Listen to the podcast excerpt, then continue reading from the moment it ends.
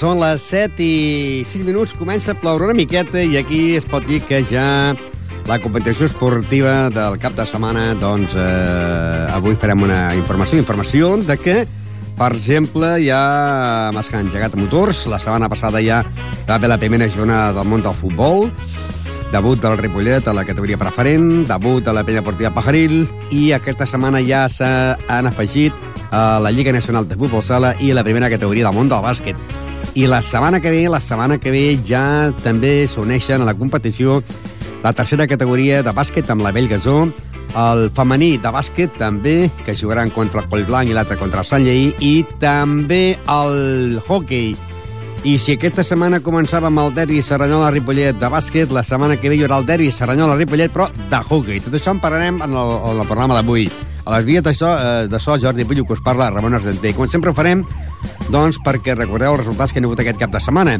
Per exemple, el Club de Futbol Ripollet doncs, va guanyar per la mínima el Gironella, 1 a 0, però doncs, va marcar el seu màxim golejador, que ja porta 5 gols, Rubén Ruiz. La penya portiva Pajaril va aconseguir la seva primera victòria al guanyar per dos gols a un al Palau Tordera amb gols de Sergio García i Carlos. I el futbol sala Ripollet, faltant segons per acabar el partit, segons per allò, mil·lèsimes de segons, estava el resultat de 4, estava el resultat d'empat a 3 i finalment, doncs, Juanito, que va marcar 3 gols, va posar el marcador de 4 a 3 favorable al futbol sala de Ripollet.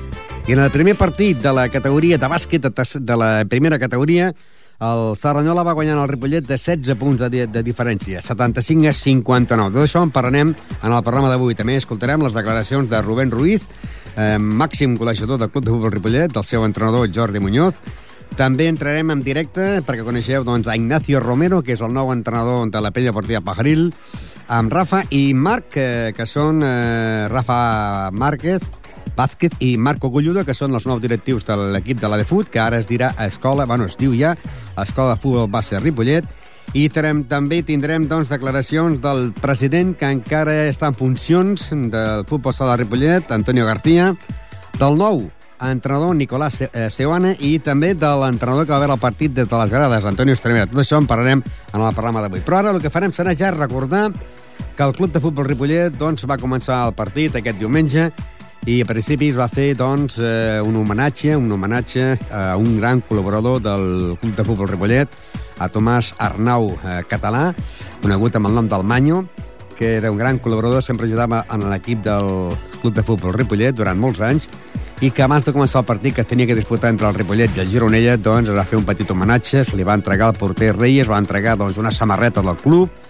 a la vídua i al fill de Tomàs Arnau, com també doncs, un ram de flors a la vídua i eh, l'escut d'or i brillants del Club de Futbol Ripollet, que va estar entregada per la directiva del Club de Futbol Ripollet. Després de fer-se aquest primer entrega d'aquest trofeig, eh, d'aquest trofeig, podríem dir, d'aquest gran escut, del, del, del ram de flors i també de, del mallot, es va fer un minut de silenci i el Ripollet va, ser, va fer el primer partit aquí a casa amb Reyes a la porteria, amb Salva com a capità, a Miguel, a Bravo, a Salva Carreras, a Marc, a Palote, a Uri, a Rubén, Genís, Fran, Maillo, a Jordi com a porter suplent, Ponsic, Juan, Rail i eh, Salicio. Hem de dir que en el descans vam anar amb un empat a 0 gols, i això aquí van haver oportunitats per dues, per dues bandes. A la minut 33 de la segona part, Rubén posava a l'1 a 0, i amb aquest partit, amb aquest resultat, arribava al final del partit. Hem de dir que, eh, per exemple, el Club de Futbol Ripollet eh, va dirigir el partit el senyor Caballero León i que va ensenyar les targetes grogues per part del Ripollet a Bravo i per part de l'equip del Gironella, doncs, el seu defensa, Gerard Massala, Massana, a Guifré, el capità, i a Miki, eh, un gironella que vestia doncs, un habitual pantaló negre, però el mallot doncs, blanc i groc, que poc habitual en aquestes categories. Els canvis es van produir tots a la segona part per part del Ripollet. En el minut 9, Juan va entrar per Genís, en el minut 21, Rei va entrar per Palote, en el 35.5 va entrar per Rubén, i en el 40 Lluís entrava per Marc, i en el 90, en el test d'escompte, Adrián Salicio va entrar per Fran. Hem de dir que eh, el Gironella també va fer quatre canvis. Mentre estàvem al partit, el resultat era de 1 a 0, doncs, després de quasi, quasi de marcar el gol, el jugador eh, Rubén Ruiz, que és el jugador que l'altre dia a Caçà de la Selva va marcar 4 gols i ahir va marcar el gol de la victòria, doncs demanava el canvi Jo pensava que al principi demanava el canvi perquè es havia lesionat a la jugada que va marcar el gol, que va, haver, va marcar el gol a la, a la porteria on està la, la, la piscina municipal. Eh, es va estirar bastant i semblava com si fos producte de, de, del marcar el gol, no? A l'acabar el partit, bueno, a l'acabar el partit no, s'estava jugant encara el partit i tot xuat sortia Rubén i li preguntàvem, doncs, que, que és el golejador de la, de la temporada. Allà porta 5 gols. Anem amb Rubén Ruiz. Rubén, estás en forma, ¿no? Dos partidos, cinco goles. Eso parece, eso parece. Que Así. siga la racha, ¿no? Sí, claro, cuando coge la racha, pues cuesta un poco soltarla. ¿Qué te parece el, el Gironella? Buen equipo, bien situado en el campo. Bueno, individualmente tienen tres o cuatro jugadores importantes y, y bueno, ha sido un partido igualado, ¿no? ¿Has pedido el cambio? ¿Has sido lesionado a marcar el gol o no? No, no, solo que me dan rampas porque estoy un poquito cargado y ya está. El próximo domingo en eh, Farnés. Sí, con ganas y a ver si marcamos, seguimos marcando, ¿no? Ya sabes que hay el trofeo Infosport, ¿no? El trofeo sí, sí. de máximo goleador. Bueno, Aprovecha lo que estás en forma. Tampoco es... Poco a poco, poco a poco mejor. Mentrestant s'estava jugant el partit i al final doncs, el Ripollet va acabar guanyant per 1 a 0.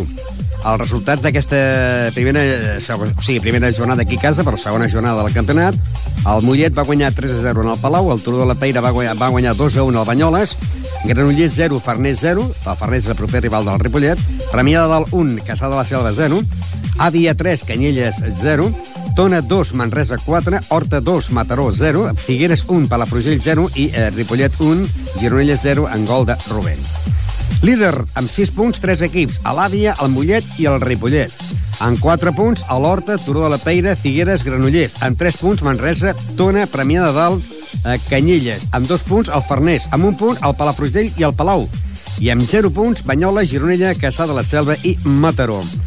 El Ripollet, doncs, el seu màxim golejador és Pedro Ruiz, que ja porta 5 gols. Un Ripollet que ha marcat un total de 5 gols i que n'ha encaixat 2. A l'acabar el partit parlàvem també, doncs, ja amb l'entrenador, eh, Jordi Muñoz, que parlàvem, doncs, que havien aconseguit 3 punts molt importants. Pues sí, a més a més contra un gran equip, com heu pogut veure, un equip experimentat, que ha pujat aquest any, però té un gran equip, eh, té la meitat de l'equip havia jugat a tercera amb el Manresa i bueno, ja se'ls ha vist, no? I aquesta molt. categoria, vull dir, aquest equip eh, ja fa bastantes temporades que juguen quasi els mateixos jugadors, no? Aquest van pujar, la, pues, fa, com a mínim fa 3 anys que estan els mateixos jugadors, això es nota, però bueno, penso que els meus jugadors avui, un 10, han treballat molt bé i bueno, a poc a poc anirem arribant, anirem treballant amb el que tenim i ja està, són els millors els que tinc. I Rubén, que està en ratxa? Que segueixi, que no pari la festa. Eh, S'ha lesionat, ha sigut producte del, del marcar el gol, perquè ell estira molt la cama per aconseguir el gol? No, el que passa que el Rubén fa 200.000 quilòmetres durant el partit i li ha agafat una miqueta de rampa com és normal, amb la calor que fa i treballa molt i està, bueno, una mica cansat. És bo començar la Lliga, no?, ja amb 6 punts.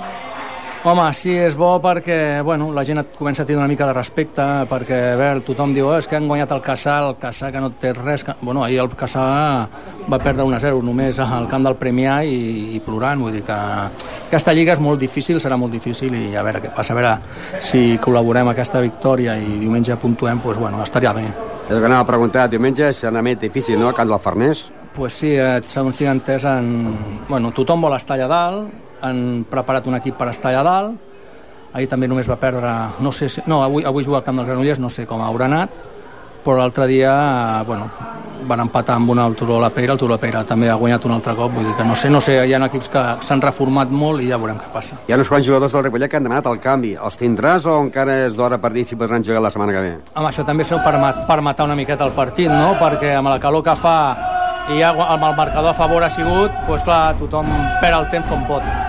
I estan contents perquè he vist que portava arribava el del bar que portava porrons, eh, porrons de vi o què és? No, no, no, no. És, és tronjada. Ai, llimonada, perdó. Sí? Sí. No, són tot cervesa graciosa, no? No, és una clara que diuen. Ah, una clara. No, no, va veure... Bueno, suposo que deuen veure com tothom, no? Però bueno, ja és important, s'han d'aprofitar els moments, que estem contents i és el que val. Sort i endavant i aconseguir els 3 punts a Farners. Bueno, a veure si dissabte hi ha sort. De moment anirem a treballar com estem treballant ara. I, sí, juga dissabte. I em sembla que juguen a dos quarts de sis. I a veure, a veure què passa. A veure, hem d'anar fora, si anem sumant, doncs bueno, a casa jugues més tranquil també. Doncs eh, aquest dissabte jugaran a Farners, un Farners que aquesta setmana doncs, va aconseguir un empat a Granollers. A Granollers 0, Farners eh, 0.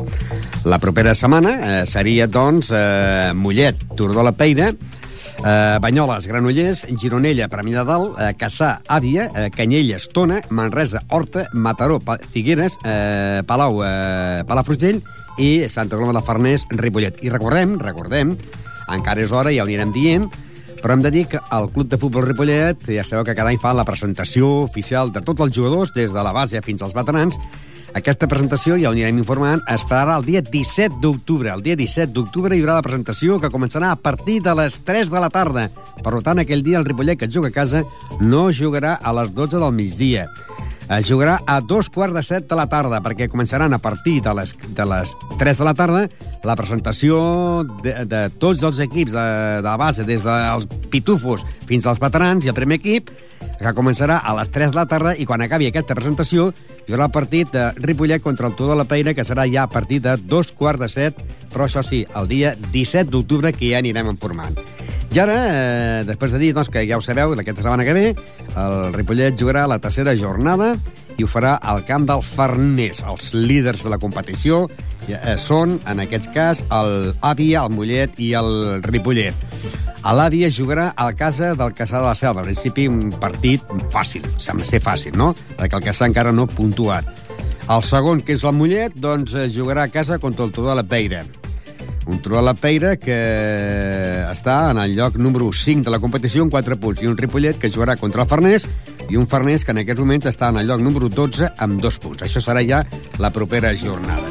I aquest cap de setmana es va disputar ja la primera jornada aquí a Ripollet del món del futbol de la segona categoria territorial i a, a l'equip de la Pella Portiva Pajaril doncs va guanyar per dos gols a un en el Palau Tordera. Eh, va jugar com Ale, Àlex, eh, Alejandro Martín de porter, Abel, Raúl Ramos, eh, Paños, Adam Sola, Albert Grau, Aitor Asencio, Sergio García, David Parada, Diego Arcos, Carlos Martínez, Iván Jiménez, Sergio del Retiro, Feliciano eh, Sánchez i Ramon Pérez i no podien jugar perquè estaven sancionats per un partit Claudio Pérez, eh, Ignacio Minuesa i Ismael Chamón. Estaven tots doncs, eh, sancionats per un partit i aquests no van jugar. Va marcar els gols Sergio García, va marcar de penal, i Carlos el 2 a 1. Y tenim en directe el nuevo entrenador de la Peña Deportiva Barril. Ignacio Romero, buenas tardes. Hola, buenas tardes. Bueno, buen debut en Ripollet eh, frente a la Peña con el Palau Tordera, 2 a 1, ¿no? Bueno, sí, no un buen debut porque empezamos perdiendo en, en Montmeló la semana pasada y el partido este, que es el segundo de la, del, del campeonato, pues nos ha servido para, para coger los tres primeros puntos que nos van a ir muy bien. Eh, una peña que ahora se ha puesto en el puesto número 10, eh, la estamos hablando que es la segunda jornada. Sí, segunda jornada. Un Titres que lleva seis puntos, los mismos que el Sardañola, eh, Cardedeu, Montmeló y Lliçà de Vall, todos empatados con seis puntos, Sabadellenca 4, Bellavista, L'Ametlla, eh, Vallés y Pajaril con 3, eh, San Joan de Montcada 2, Palau Tordera y La Torreta con 1 y luego con 0, Vilamajor, Santa Eulalia, Parets, Martorelles y San Esteban. ¿Va a ser una liga dura esta o no? Yo creo que sí, por lo que yo he podido ver y la referencia que tengo de algunos equipos, desde luego yo creo que va a ser dura. Va a haber equipos que, que quieren subir de categoría, pues vamos a hablar de Carredeu, de Bellavista, de, de Sarañola, que tiene un buen equipo, y yo creo que va a ser más dura de lo que yo pensaba en, en, en al principio, ¿no? Ahora que ya llevamos dos jornadas y he visto algunos partidos y algunos equipos, te puedo decir que sí que creo que va a ser dura. Eh, ¿Conocías ya a estos equipos o no? Bueno, no, yo nunca había estado en esta en esta parte de en este grupo de, de, de estos equipos. Yo había estado en Sabadell Tarrasa las veces que bueno, el tiempo que estuve en Fontetas y la parte esta del Bayern no la conocía. Pero pero bueno, ya tenía referencia, me, habían, me había hablado alguna gente de, de equipos que habían estado algún tiempo o algunas algunas temporadas en esta categoría ya me habían advertido. O sea, creo que, que creo que es un grupo bastante difícil para ser segunda regional. Es un grupo bastante complicado. Ignacio Romero, ¿a qué equipos habías entrenado? Bueno, yo he estado parte, en principio lo inicié aquí en La Fontetas hace ya bastante tiempo y luego me marché a Barcelona, he estado en el Alzamora en Primera Regional, he estado en el Valcarca en Primera Regional, estuve aquí en Fontetas en, en los primeros tiempos de entrenador que, que estaba en Tercera Regional, lo pusimos en Primera Regional, estuve cerca de, de seis años aquí con ellos y luego ya me marché a Barcelona y ahora he regresado otra vez aquí y bueno, me llamaron del Pajaril y estoy con ellos echándoles una mano. una peña que ha estado muchísimos años en tercera territorial, el año pasado quedaron campeones y que este año podría dar el salto, porque también esta categoría eh, desaparece, ¿no? ¿O qué pasa en esta categoría? Bueno, está la reestructuración del fútbol catalán, que dicen que, que bueno, que, se, que, que desaparece la primera catalana, pero la composición de los demás grupos yo ahora mismo no, no sabría informarte. Sé que, que de este grupo sube el primero como, como o sea, sube a la, siguiente categoría el primero de cada grupo de segunda regional y luego hasta el doceavo puesto me parece que hacen el, se compondrán la parte de la, de la segunda, o sea, de la tercera catalana y no sé cómo funcionará. A partir de ahí yo, nosotros lo que tenemos, lo que queremos hacer es una buena temporada, que la, el ascenso a tercera sirva para consolidarse en segunda, que, que, creo que es importante ya para un equipo de las características del pajaril. Eh, ¿El equipo está cerrado o todavía puede venir no, estamos, eh, tenemos ahora mismo 18 fichas eh, firmadas y son la gente que hemos utilizado hasta ahora las dos jornadas.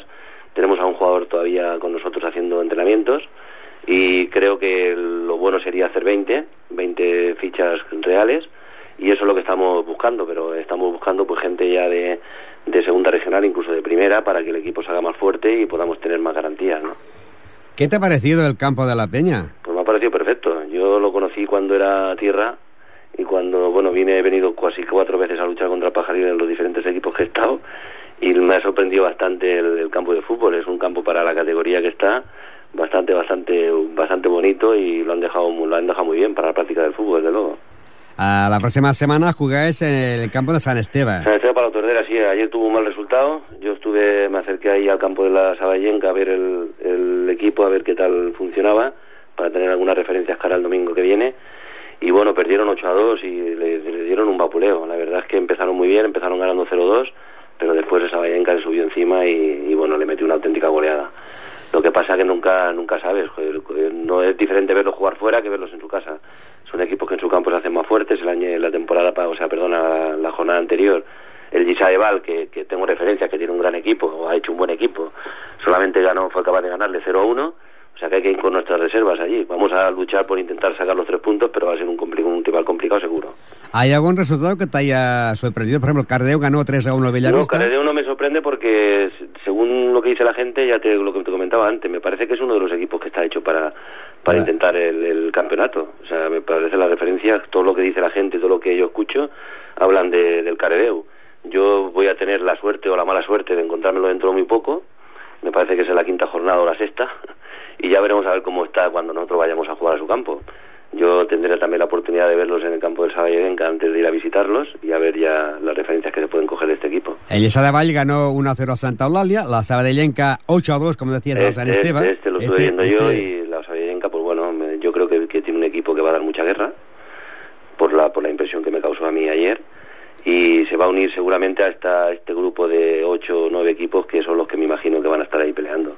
El Parets eh, perdió 1 a 2 frente al Montmeló, que es el que os ganó a vosotros dos. Es que no ganó, sí. Ya la semana anterior había perdido el Parets aquí en Sarañola 5 a 3 y el, y el que a mí no me causó, vamos a ver, yo lo vi un equipo bastante consolidado. Llevan tiempo ya en esa categoría, llevan el, la, gente, me parece que sigue, que está ahí desde hace ya un par o tres de años los mismos jugadores y creo que es un equipo pues que bueno que puede ir a luchar a casi todos los campos y nosotros pues somos el equipo ascendido y somos el que el, más desconocido el que menos conoce a los demás y etcétera etcétera tenemos un handicap ahí que vamos a ver si lo superamos sacando puntos, que es lo que a nosotros nos interesa, ¿no?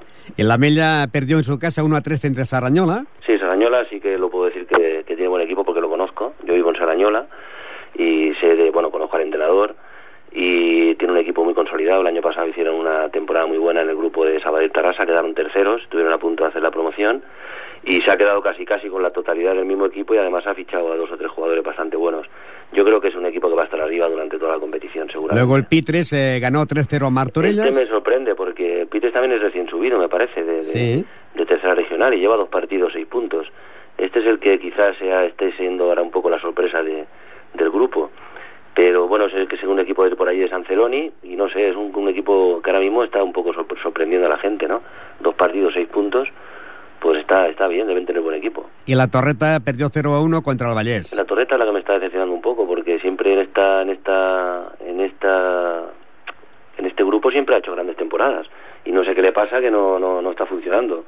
Yo no sé, yo es que desconozco bastante a, todos los equipos, voy a voy a intentar cada, cada semana ver el partido que nos toca a nosotros para ir conociendo gente, pero no sé, creo que va a ser una, como te he dicho antes, una liga bastante competitiva. Y luego el Filamayor y el San Joan de Moncada que empataron a Bueno, San. Juan de Moncada también es un equipo recién descendido de primera regional. Yo pensaba que es un equipo que quizás podía estar ahí arriba, pero las dos primeras jornadas tampoco ha hecho dos puntos, o sea, un empate en su campo y otro fuera, y a cero los dos. O sea que, que no les meten, pero tampoco meten goles, o sea que no sé, no sé qué tal equipo tendrá el San Juan de Moncada, pero yo pensaba que iba a ser uno de los aspirantes, más que nada porque ha sido uno de los que ha descendido de primera. Pasa que, claro, hasta que no se lleguen unos cuantos partidos... Sí, yo no se creo a que, que nada, ahora es hablar por hablar y creo que, que, bueno, ahora se tiene que ir conociendo a la gente, los rivales, a ver la calidad que tienen unos, el que va arriba, el que va en la mitad de la tabla y el que va abajo, pero pero en segunda regional por la experiencia que tengo me da la impresión de que aunque juegues contra el último, en segunda regional son todos los partidos muy complicados. O sea que, que no, no nadie te va a regalar nada dentro del. Pues la próxima jornada ju- jugaréis sábado o domingo contra Sábado, sábado a las cuatro y media jugamos en el campo del, del, del Ha cambiado el horario, ¿no? Porque tenía a las 12, ¿no? Los domingos. Bueno, el horario que nos ha venido a nosotros nos ha Sí. venido con horario tarde sábado, Sábado. Y, el, y ayer tuvimos que preguntarles el horario real porque porque la federación no han cambiado lo del, lo del horario tarde y, Sí. y tampoco teníamos referencia. Fuimos a preguntarle a su delegado ayer y nos confirmó que juegan a las cuatro y media sábado. ¿Qué o te parece si hacemos una quiniela a ver si acertamos eh, los resultados de, de- de esta jornada? ¿Qué te- el Cardedeu, el Lliçà de Vall. El Cabello y Saeva, yo creo que ahí, por, el, por las referencias que tengo, yo voy a, voy a apostar por, una, por, un, por un empate. Santa Eulàlia, Sabadellenca. Santulalia de Ronsana Saballenca, creo que va a ser otro empate.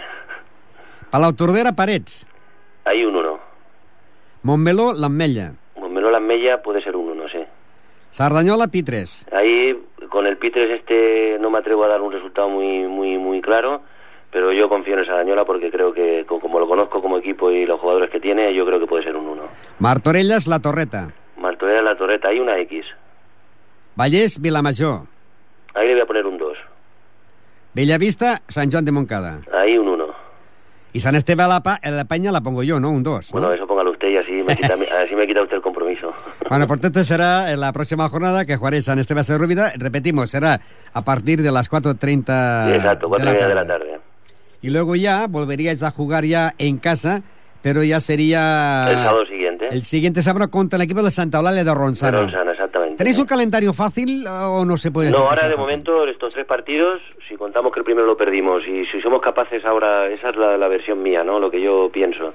Si somos capaces de sacar el partido del, de fuera y el siguiente de casa y este equipo se pone con, se pusiera con nueve puntos, nos viene un calendario bastante fastidiado. Nos viene el Carredeu, nos viene la Saballenca, o sea, nos viene una, seguramente cuando pase el Gisa de Val y ahí ya tenemos que ir con un buen colchoncito de puntos que no sean que sean esos nueve para ver cómo, cómo somos capaces de pasar esa esa criba porque ahí sí que vamos a tener partido complicado seguramente vamos a tener cinco semanas que van a ser duras de pelar seguro Pues muchas gracias, Ignacio. Nos Vale. seguimos oyendo cada lunes. Y recordar que este, es- este viernes la Peña Deportiva Pajaril estáis invitado aquí en el sí estudio. sí ya ya lo comentaron A las el siete y sábado media. en casa y vamos a quedar para poder estar ahí con vosotros Lo haremos ampliamente de la entidad. muy bien muchas gracias Muchas- a ustedes, muchas vale, gracias. adiós Les paraules d'Ignacio Romero Cuevas, que és el nou entrenador de la penya deportiva Pajaril. Doncs ja veu, la setmana que ve eh, la penya deportiva Pajaril jugarà a la tarda. Eh, En principi estava marcat per als 12 del migdia. Ara serà dissabte a la tarda, a dos quarts de cinc de tarda, Sant Esteve eh, de Palau Tordera contra la penya deportiva Pajaril. Repassem, doncs, els resultats d'aquesta jornada. Cardedeu 3, Bellavista 1, Lliçà de Vall 1, Santa Eulàlia 0, Sabadellenca 8, Sant Esteve 2, Parets 1, Montmeló 2, l'Ametlla 1, Serranyola 3, Pitres 3, Martorella 0, La Torreta 0, Vallès 1, Vilamajor 0, Sant Joan de Montcada 0 i Penya Partida Pajaril 2, Palau Tordera 1, amb gols de Sergio García de penalti i Carlos Martínez. Líders amb 6 punts, Pitre, Saranyola, Cardedeu, Montmeló i Lliçà de Vall. En 4 punts, Sabadellenca. Amb 3 punts, Bellavista, l'Ametlla del Vallès i el Vallès i la Penya Portilla Pagalil, el lloc número 10. Amb 2 punts, Sant Joan de Montcada. Amb un punt, Palau Tordera i la Torreta. I amb 0 punts, Vilamajor, Santa Eulàlia, Parets, Martorelles i Sant Esteve de Palau Tordera.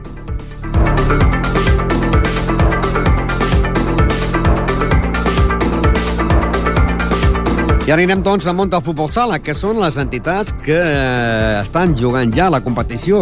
Eh, la setmana passada començava la Lliga pel Ripollet i la Penya Portia Pagaril. Aquesta setmana s'ha produït la segona jornada. I aquesta s'ha produït ja la tercera jornada. Però abans de parlar, abans d'entrar amb el futbol sala, anem a recordar també a la de Foot. A la de Foot, que, perquè sapigueu, doncs, a partir d'ara, eh, la de Foot, eh, aquesta temporada hi ha hagut canvi de, de categoria i a l'equip es diu eh, Escola de Futbol eh, Base de Ripollet. I el dissabte vam estar parlant doncs, amb dos nous directius de a l'equip de l'antic Adefut. Costarà molt dir, no? Que acostumat sempre a dir Adefut, Adefut, Adefut, Adefut. No, és com ara el Ripollet. Que digués, a partir d'ara no es diem Ripollet, no? Costa molt, no? Anem amb, amb els directius Rafa i Marc. Uh, pues escuela de fútbol de fútbol base de Ripollet. Al principio otro día estaba picando un calendario yo y todavía ponía a The Food. Claro, a tanto tiempo hablando a The Food que ahora cuesta un poquitín, cuesta ¿no? Cambiar, cuesta cambiar un poquito el chip, pero en eso estamos. Y se conseguirá, se conseguirá. Esta mañana había partidos del fútbol base y hoy también, pero mañana va a algo especial, ¿no? Sí, mañana, eh, como todos sabemos, es, es, la quinta edición del, del torneo Pedro Sarrión y será un, un, pequeño homenaje a una gran persona eh, a la que todo el pueblo de Ripollet, sobre todo los niños, eh, deben muchísimo. Y nuestro granito de arena es hacerle este homenaje y se le hará, se le hará un pequeño no sé, un pequeño reconocimiento, menos de lo que él se merece, pero, pero será para nosotros una, una parte muy importante porque lo queremos mucho. Ya empezamos la liga y ya el mes que viene empieza el equipo de tercera categoría. El año pasado fue territorial y este año habrá cambios o no hay cambios en el equipo.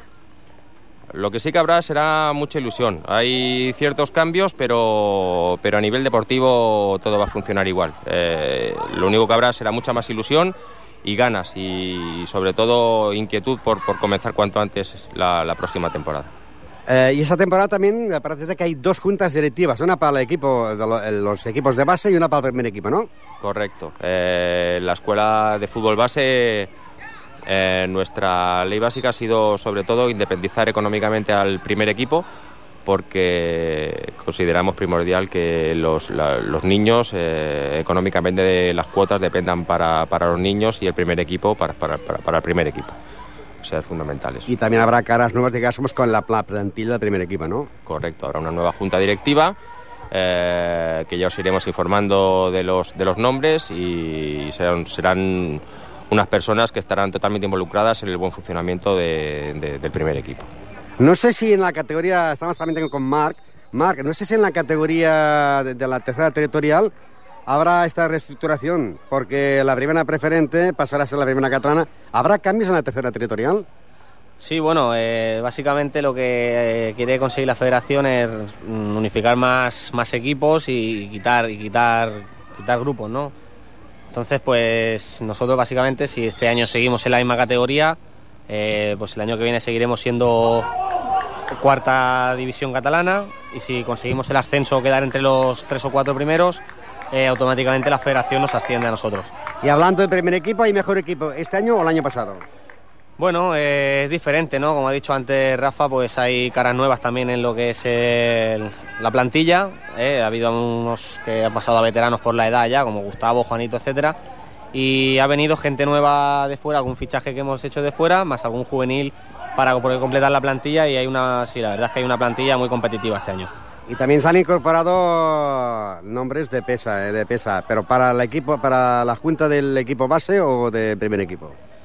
Eh, esto es un poquito asesoramiento en general, ¿no? Es decir, o sea, no usamos ni unos ni otros. O sea, el, que necesite un poquito de asesoramientos, bien sea deportivo, bien sea social o lo que sea, estas personas que han estado tan involucradas en el mundo del fútbol de alto nivel, pues siempre nos van a estar echando una mano, ¿no? O sea, no significa que estén sobre la escuela o en el primer equipo, o sea, el que lo necesite puede contar con ellos. Están en la entidad.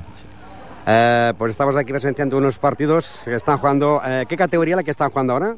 Es la categoría cadete entre la Unión Esportiva San Andrés y bueno, nosotros la Escuela de Fútbol Base de Ripollet. Hoy han pasado varios equipos por aquí, como puede ser la DAM, eh, Rubí, Mollet, eh, Sabadell vendrá mañana, el Hospitalet, etcétera, ¿no? Una serie de equipos pues ya de un cierto, de un cierto nivel. Porque ahora estáis jugando, esta mañana habéis jugado también, luego a las 6 habrá partido de la, de la primera partida Pajaril y mañana durante toda la mañana y tarde también. Mañana sí, mañana contamos a las 10 con el juvenil, viene el Hospitalet, luego viene también el Parc de Barcelona a jugar contra el tercero nuestro y luego ya a las 2 es el último partido y finalizamos el torneo con el partido entre el infantil y el Centro d'Esport Sabadell. Les paraules, doncs, del president Rafa Vázquez i del delegat Marco Golludo. La dia 10 d'octubre començarà la Lliga de Futbol de Tercera Territorial, grup número 15, on hi haurà doncs, dos equips de Ripollet. A la de Fut, que, per recordeu, la de Fut és l'escola de futbol base de Ripollet, i a l'Estila, i la penya Portiva Pagaril, que no hi serà perquè ha pujat de categoria, no? I la primera jornada serien Marina contra la Unió Salut, la Planada contra el Júnior, el Mirasol contra la Fundació, el Badia del Vallès contra el Nou Vallès, el Rorida contra el Penya del Blaugrana de Sant Cugat del Vallès, la Farga contra, contra l'Escola de Futbol de base de Ripollet i l'Esdila contra el Camp Colapi de Terrassa. Pràcticament, menys la Camp Colapi de Terrassa, doncs tots aquests equips ja estaven la temporada passada a la mateixa categoria, menys l'Unió Salut, em sembla, i la Penya Partida Pagaril, que ha pujat de categoria. Però aquesta competició no comença fins al dia 10 d'octubre, que serà ja la primera jornada de la tercera ter ter territorial grup número 15.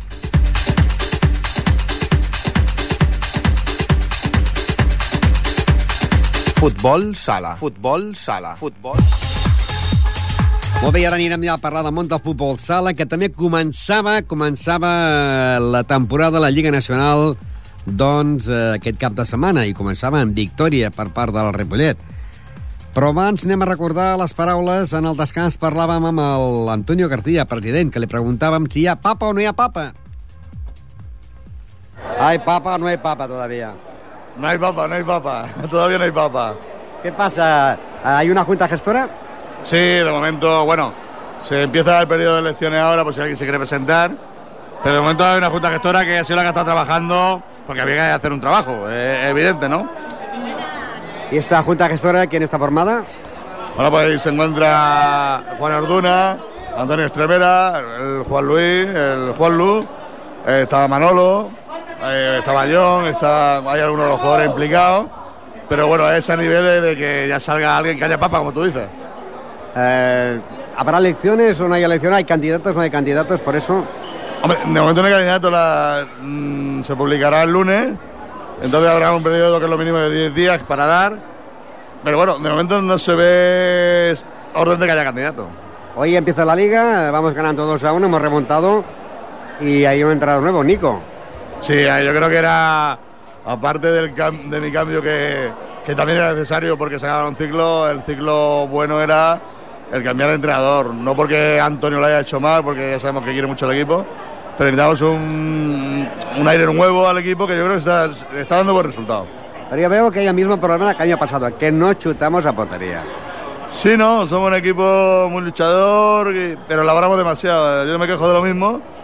Pero bueno, estamos a principio de temporada, no da tiempo. Yo creo que cuando coja- cojamos un poquito de velocidad, eh, yo creo que, que este año vamos a chutar más. Y se casi casi se ha mantenido toda la plantilla, menos a la Quique, que habrá dejado. Los demás se siguen del año pasado, ¿no? Sí, sí, a ver, aquí en nuestro equipo ya sabéis, hasta que no venga la sabia nueva de abajo, que se, trabaja, se está trabajando muy bien, muy bien en, la- en la base, este año hemos hecho otros equipos más. Y- pero yo creo que a partir del año que viene ya podemos empezar a hacer algún cambio, porque claro, no nos podemos permitir fichajes. ¿Este año puede hacer el de ascenso o no? No, no, no. Este año es un año de muchos cambios, de adaptar mucho y esperar que venga eso. Pero bueno, creo que bajan seis. Es un año donde se hay una revelación de grupo. Pero yo creo que, que este año lo haremos bien y el año que viene tenemos un gran equipo. El año que viene. Eh, si bajaran seis, eh, bueno, si bajan seis, mm, el año pasado casi casi estaríamos abajo, ¿no? Sí, por eso te digo, hay que ir con pies de plomo. eh, Los, los partidos, aunque, aunque ganes 1-0 o de un gol, hay que ganarlo. Porque hay que mantenerse ahí para el año que viene, que va a ser un año de que si te mantienes tienes asegurado 5 o 6 años ahí más en, en- en la categoría. Resultado para el final del partido de hoy.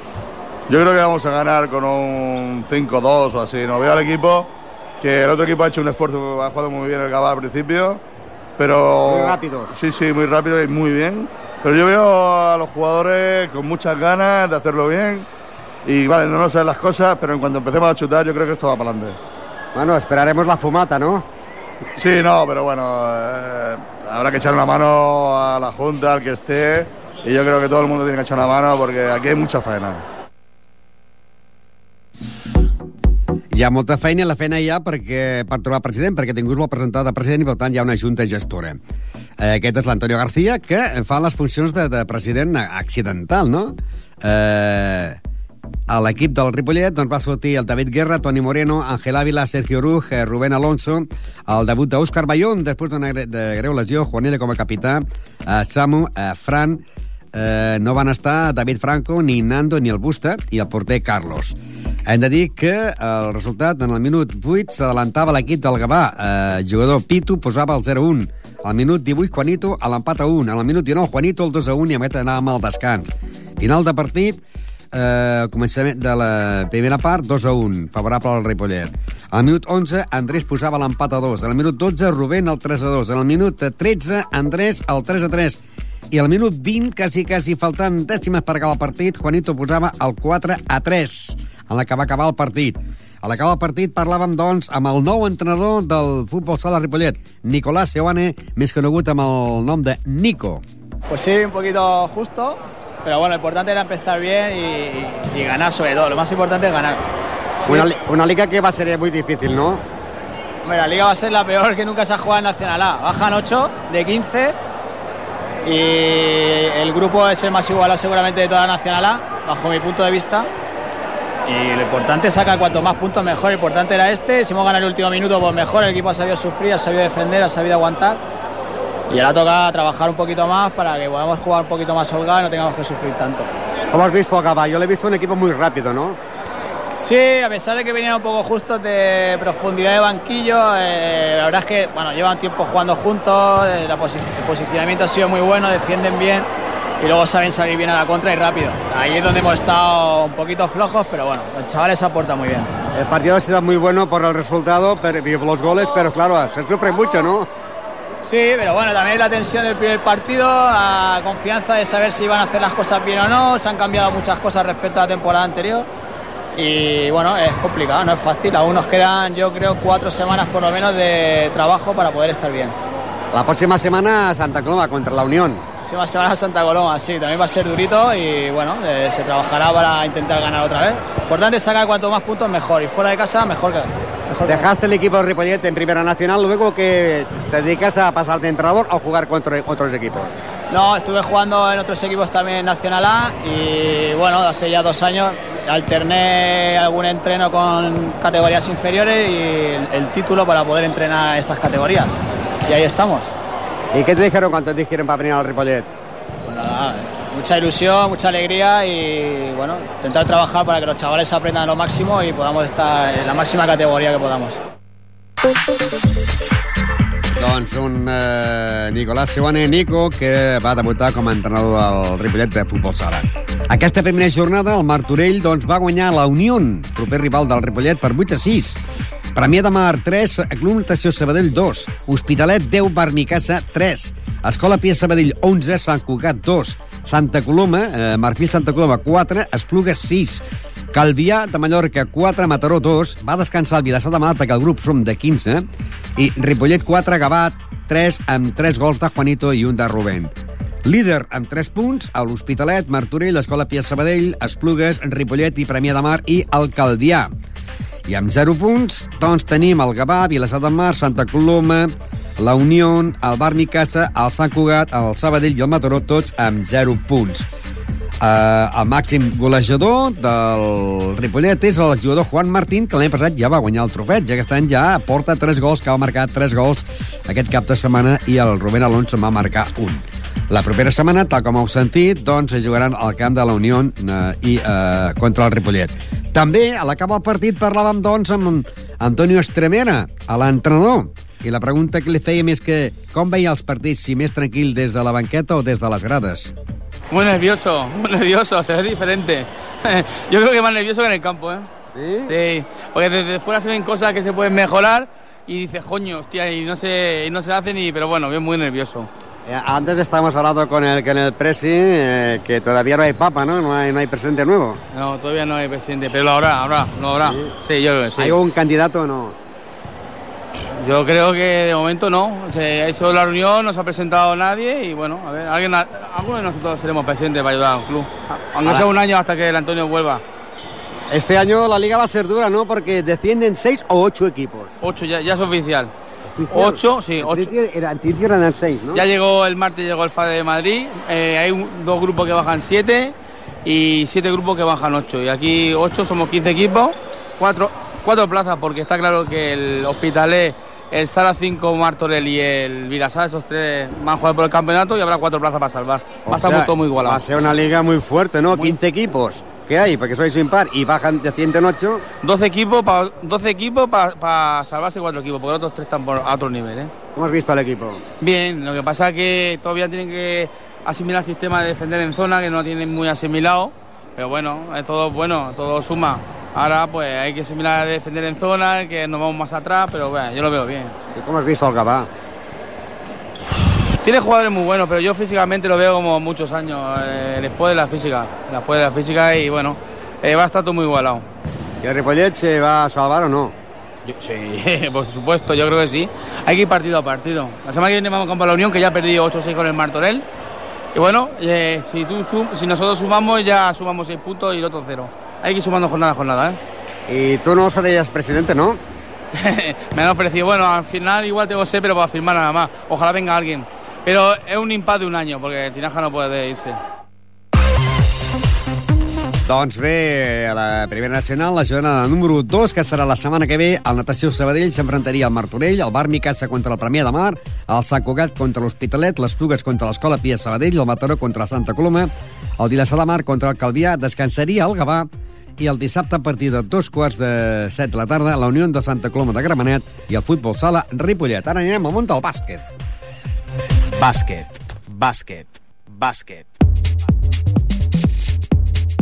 Doncs bé, el Club Bàsquet Ripollet ja sabeu que va ha abandonat la categoria, encara que té la llicència per poder jugar doncs, a la Copa Catalunya, doncs eh, jugarà, ha jugat ja el primer partit.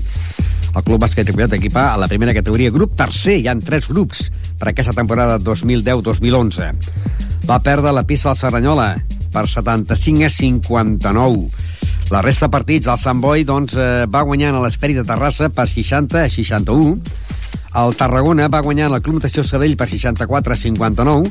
El Gavà va perdre casa contra el La Salle de Reus per 62 a 71. Sant Cugat 77, Morell 80. Can Torreta 67, Sant Jordi 57, Vilanova 71, Vall 72, Salou 57, Esparreguera 68 i Club Bàsquet Ripollet 75, eh, Club Bàsquet Ripollet, o sigui, Club Bàsquet Serranyola 75, Club Bàsquet Ripollet 59 a les ordres del seu entrenador Àngel Àngel Canals. Líder, amb dos punts, estan parlant de la primera mm, jornada, Cerdanyola, Esparreguera, Cantorreta, la Salle Reus, Sant Boi, Tarragona, Morell, Valls, tots amb dos punts.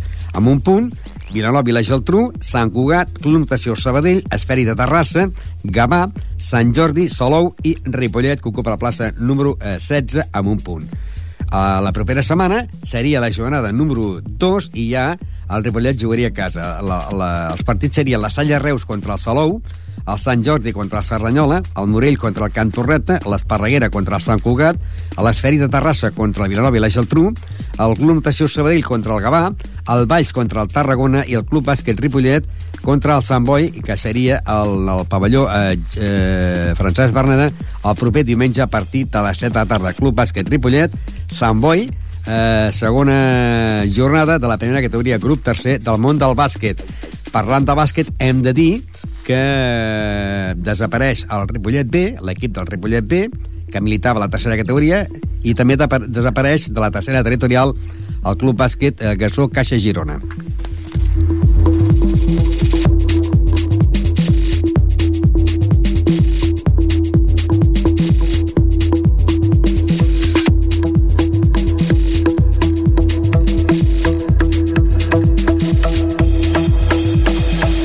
Bé, i mica a mica es van eh, afegint ja competicions, perquè aquesta setmana, aquesta setmana comença també la Lliga de Hockey de la segona catalana, catalana temporada 2010-2011, grup eh, tercer, o grup C, a on a la primera jornada, nada más y nada menos, s'enfrontaran que el diumenge a les 12 el Cerdanyola i el Ripollet.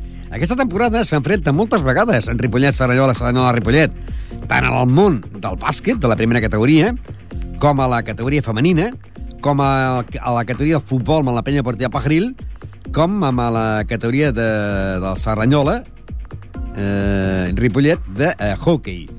La primera jornada seria en Bartino Congrés, Vilassar de Mar, Arenys de Mar, Capellades, Castellà del Vallès, Premià, Riu de Villes, Centelles, Canet, Cornellà, Perpetuenc, i el diumenge a les 12 a Serranyola, Club Hockey Ripollet de la primera, segona catalana. La segona jornada, el Ripollet jugaria la presentació oficial del seu equip. El proper dissabte, que anirem ja, seria la, la setmana del 3 d'octubre, i el Ripollet jugaria a casa contra el Vilassar de Mar. Eh, seria ja la presentació oficial, però el primer partit d'aquesta setmana, el primer partit de la jornada seria Serranyola-Ripollet en el món del hockey segona catalana. També comença aquesta setmana, la, eh, la setmana que ja estem, la tercera categoria territorial, eh, grup tercer, on està enclavat el Club Bàsquet La Vell Gasó. Eh, jugaria a casa el diumenge a dos quarts d'una contra el Regina Carmeli. La resta de la jornada seria Sant Cugat, Nou Badia, Sant Manat, eh, Col·legi Cultural, el Vira la Salle de Montcada contra el Camp Parellada, el Sant Clement contra el Sant Lleí, el Montigalà Badalona contra el Martorelles, el Pallejà contra el Santa Perpètua, el Cervelló contra l'Esparreguera i el diumenge a partir de dos quarts d'una la Vell Gasó Regina Carmeli. Això seria la primera jornada, corresponent a la tercera territorial grup tercer. I llavors ja el següent partit, que ja seria la setmana del 26 de... Això seria el 3 d'octubre, el primer partit del Gasó jugaria eh, aquest dissabte jugaran a la pista del Sant Lleí. El Sant Lleí eh, jugarà contra la Vell Gasó i seria el dissabte a partir de les 7 de la tarda. I s'enfrontarien el Col·legi Cultural contra el Cervelló, el Sant Arbeto contra el Montigalà, Regina Carmeli contra el Sant Manat, el Martorelles contra el Sant Cugat, el Nou Badia contra el Vira La Salle, l'Esparreguera contra Pallejà, el Camp Parellada contra el Sant Climent i el dissabte a partir de les 7 de la tarda, primer partit Club Bàsquet Sant Lleí, Club Bàsquet La Vell Gasó. I la presentació oficial del Gasó seria ja el dia 3 d'octubre a dos quarts d'una del migdia a la Vell Gasó, a Regina Carmeli, en el, en el pavelló Joan Creus.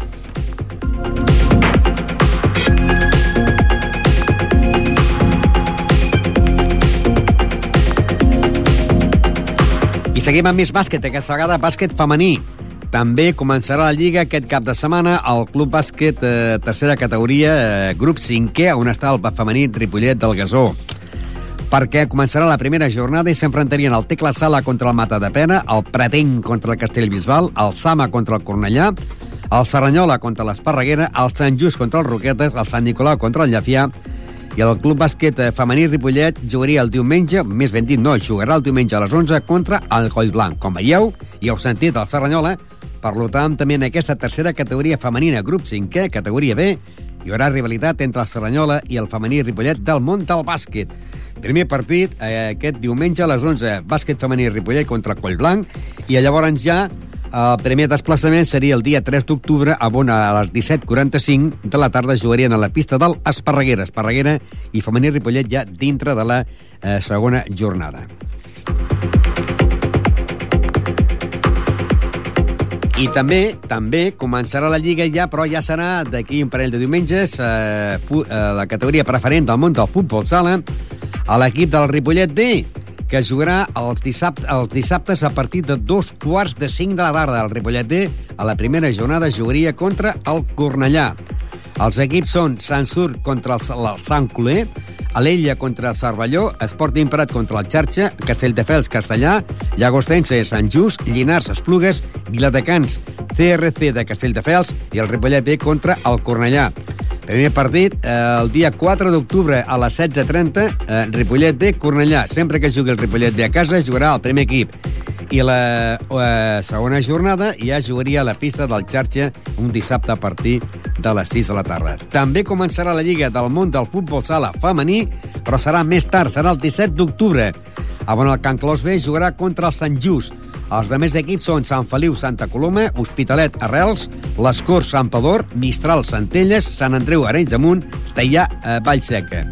I el primer i el segon partit, la Can Clos jugaria a la pista dels Centelles. També començarà la Lliga el dia 17 d'octubre, la divisió de plata, a la divisió d'honor, més ben dit, perquè l'equip del Can Clos va renunciar a la divisió de plata de Lliga Nacional. Per tant, aquesta temporada 2010-2011 la jugarà la divisió d'honor catalana, grup primer i, Sant Fran... i el debut serà el, dia 17 d'octubre a les 7, 5 de la tarda contra l'Altafulla. Els també equips serien Escola Pia Sabadell, Sant Cugat, Mataró, Caldes, Les Corts, Cardedeu, Vilassar de Mar, Palau, Cervera, Montserrat, Castelldefels, Gironella i el primer partit seria aquí a casa eh, a les 5 de la tarda, Can Clos Altafulla. I el segon partit ja seria el dia 24 d'octubre, que jugaria a la pista del Palau de Plegamans. També comença la Lliga del món del tenis tau, la Lliga Nacional de eh, Divisió d'Honor Femenina. Començarà la Lliga a la, a la jornada número 1 el dia 3 d'octubre. Els partits, doncs, eh, jugarien el Club Relación Helios de Saragossa contra la Caja Asturias de León, i el Finca Ripollet jugaria contra la Vilés d'Astúries i també el Falcons de Sabadell jugaria contra la Vilés d'Astúries i descansarien el Bàscara de Girona, el Calella, l'Arteal Santiago de Compostela, el Santa Eulària d'Eivissa, el Calella i l'Atlètic de Sant Sebastián. Per què? Perquè el calendari es fa per desplaçaments. Per tant, aquell dia el Avilés vindria a jugar aquí a Catalunya jugaria contra el Finca Ripollet el dissabte i el diumenge contra el Falcons de Sabadell. També hem de dir que també començarà la Lliga, la Lliga de la Primera Nacional Masculina, on l'equip del Ripollet Verdolai doncs és aquest equip que porta el nom de tres pobles, perquè es diu Ripollet. L'esponsor es diu Aceitunes Verdolai de Montcada i Reixac i juguen en el Col·legi de Montserrat de Serranyola, que l'any passat doncs, van quedar campions i van renunciar a pujar a la divisió d'honor.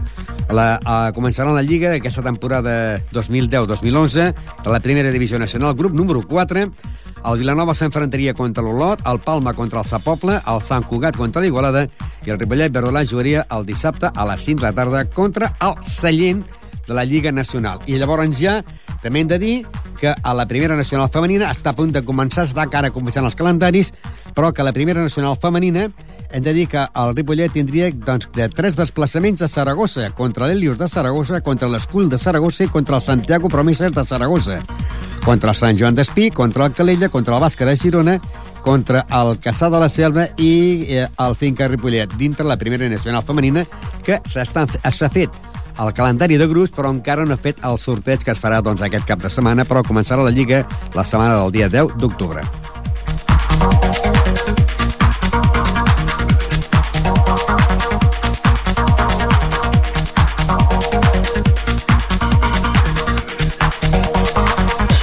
Bé, posarem punt i final a la programa i per recordeu, per aquests que hagin arribat tard, doncs recordar els resultats que hi ha hagut aquest cap de setmana, segona jornada d'esport d'esports. El futbol categoria preferent, el Ripollet va guanyar 1-0 al club de futbol Gironella, mentre que la penya Portia Paganil a la segona categoria territorial va guanyar per dos gols a un al club de futbol Palau Tordera. Per fa al futbol sala, primera nacional, el Ripollet va guanyar 4 a 3 en el Gavà. I pel que fa al món del bàsquet, el Serranyola va guanyar el Ripollet per 75 a 59. La setmana que ve s'enfrontarien al Santa Coloma de Farners, eh, que jugarien dissabte eh, a les 6 de la tarda a Farners-Ripollet, i també el dissabte a partir de les 2 quarts de 5 de la tarda al Sant Esteve de Palau Tordera contra la penya Portia Pajaril. A Santa Coloma de Gramenet s'enfrontarien la Unió i el Futbol Sala Ripollet. En el món del bàsquet, el Club Bàsquet Ripollet jugaria contra el Sant Boi diumenge a les 7. El Sant Lleí contra la Vell Gasó el diumenge el dissabte a les eh, 7 de la tarda i el femení Ripollet de bàsquet contra el Collblanc diumenge a les 11. I el Serranyola Ripollet de hockey el diumenge a les 12 a les 12 a la segona catalana del món del hockey. I dir que ja sabeu que cada setmana, cada setmana tenim eh, uns convidats aquí a la ràdio, els divendres, a partir de dos quarts de vuit. El programa comença a les 7, a quarts de vuit tenim protagonistes. El divendres passat teníem el Club de Futbol Ripollet amb el seu president Cisco Inglada. Aquesta setmana tindrem, aquest divendres tindrem a la penya deportiva Pajaril i l'altre tindrem ja el nou equip de la de Fut, que ara és Escola Futbol, eh, Futbol Base de Ripollet. A les vies de so, Jordi Piu, que us parla, Ramon Adéu, us esperem el divendres a les 7 hores. Adéu-siau, bona tarda.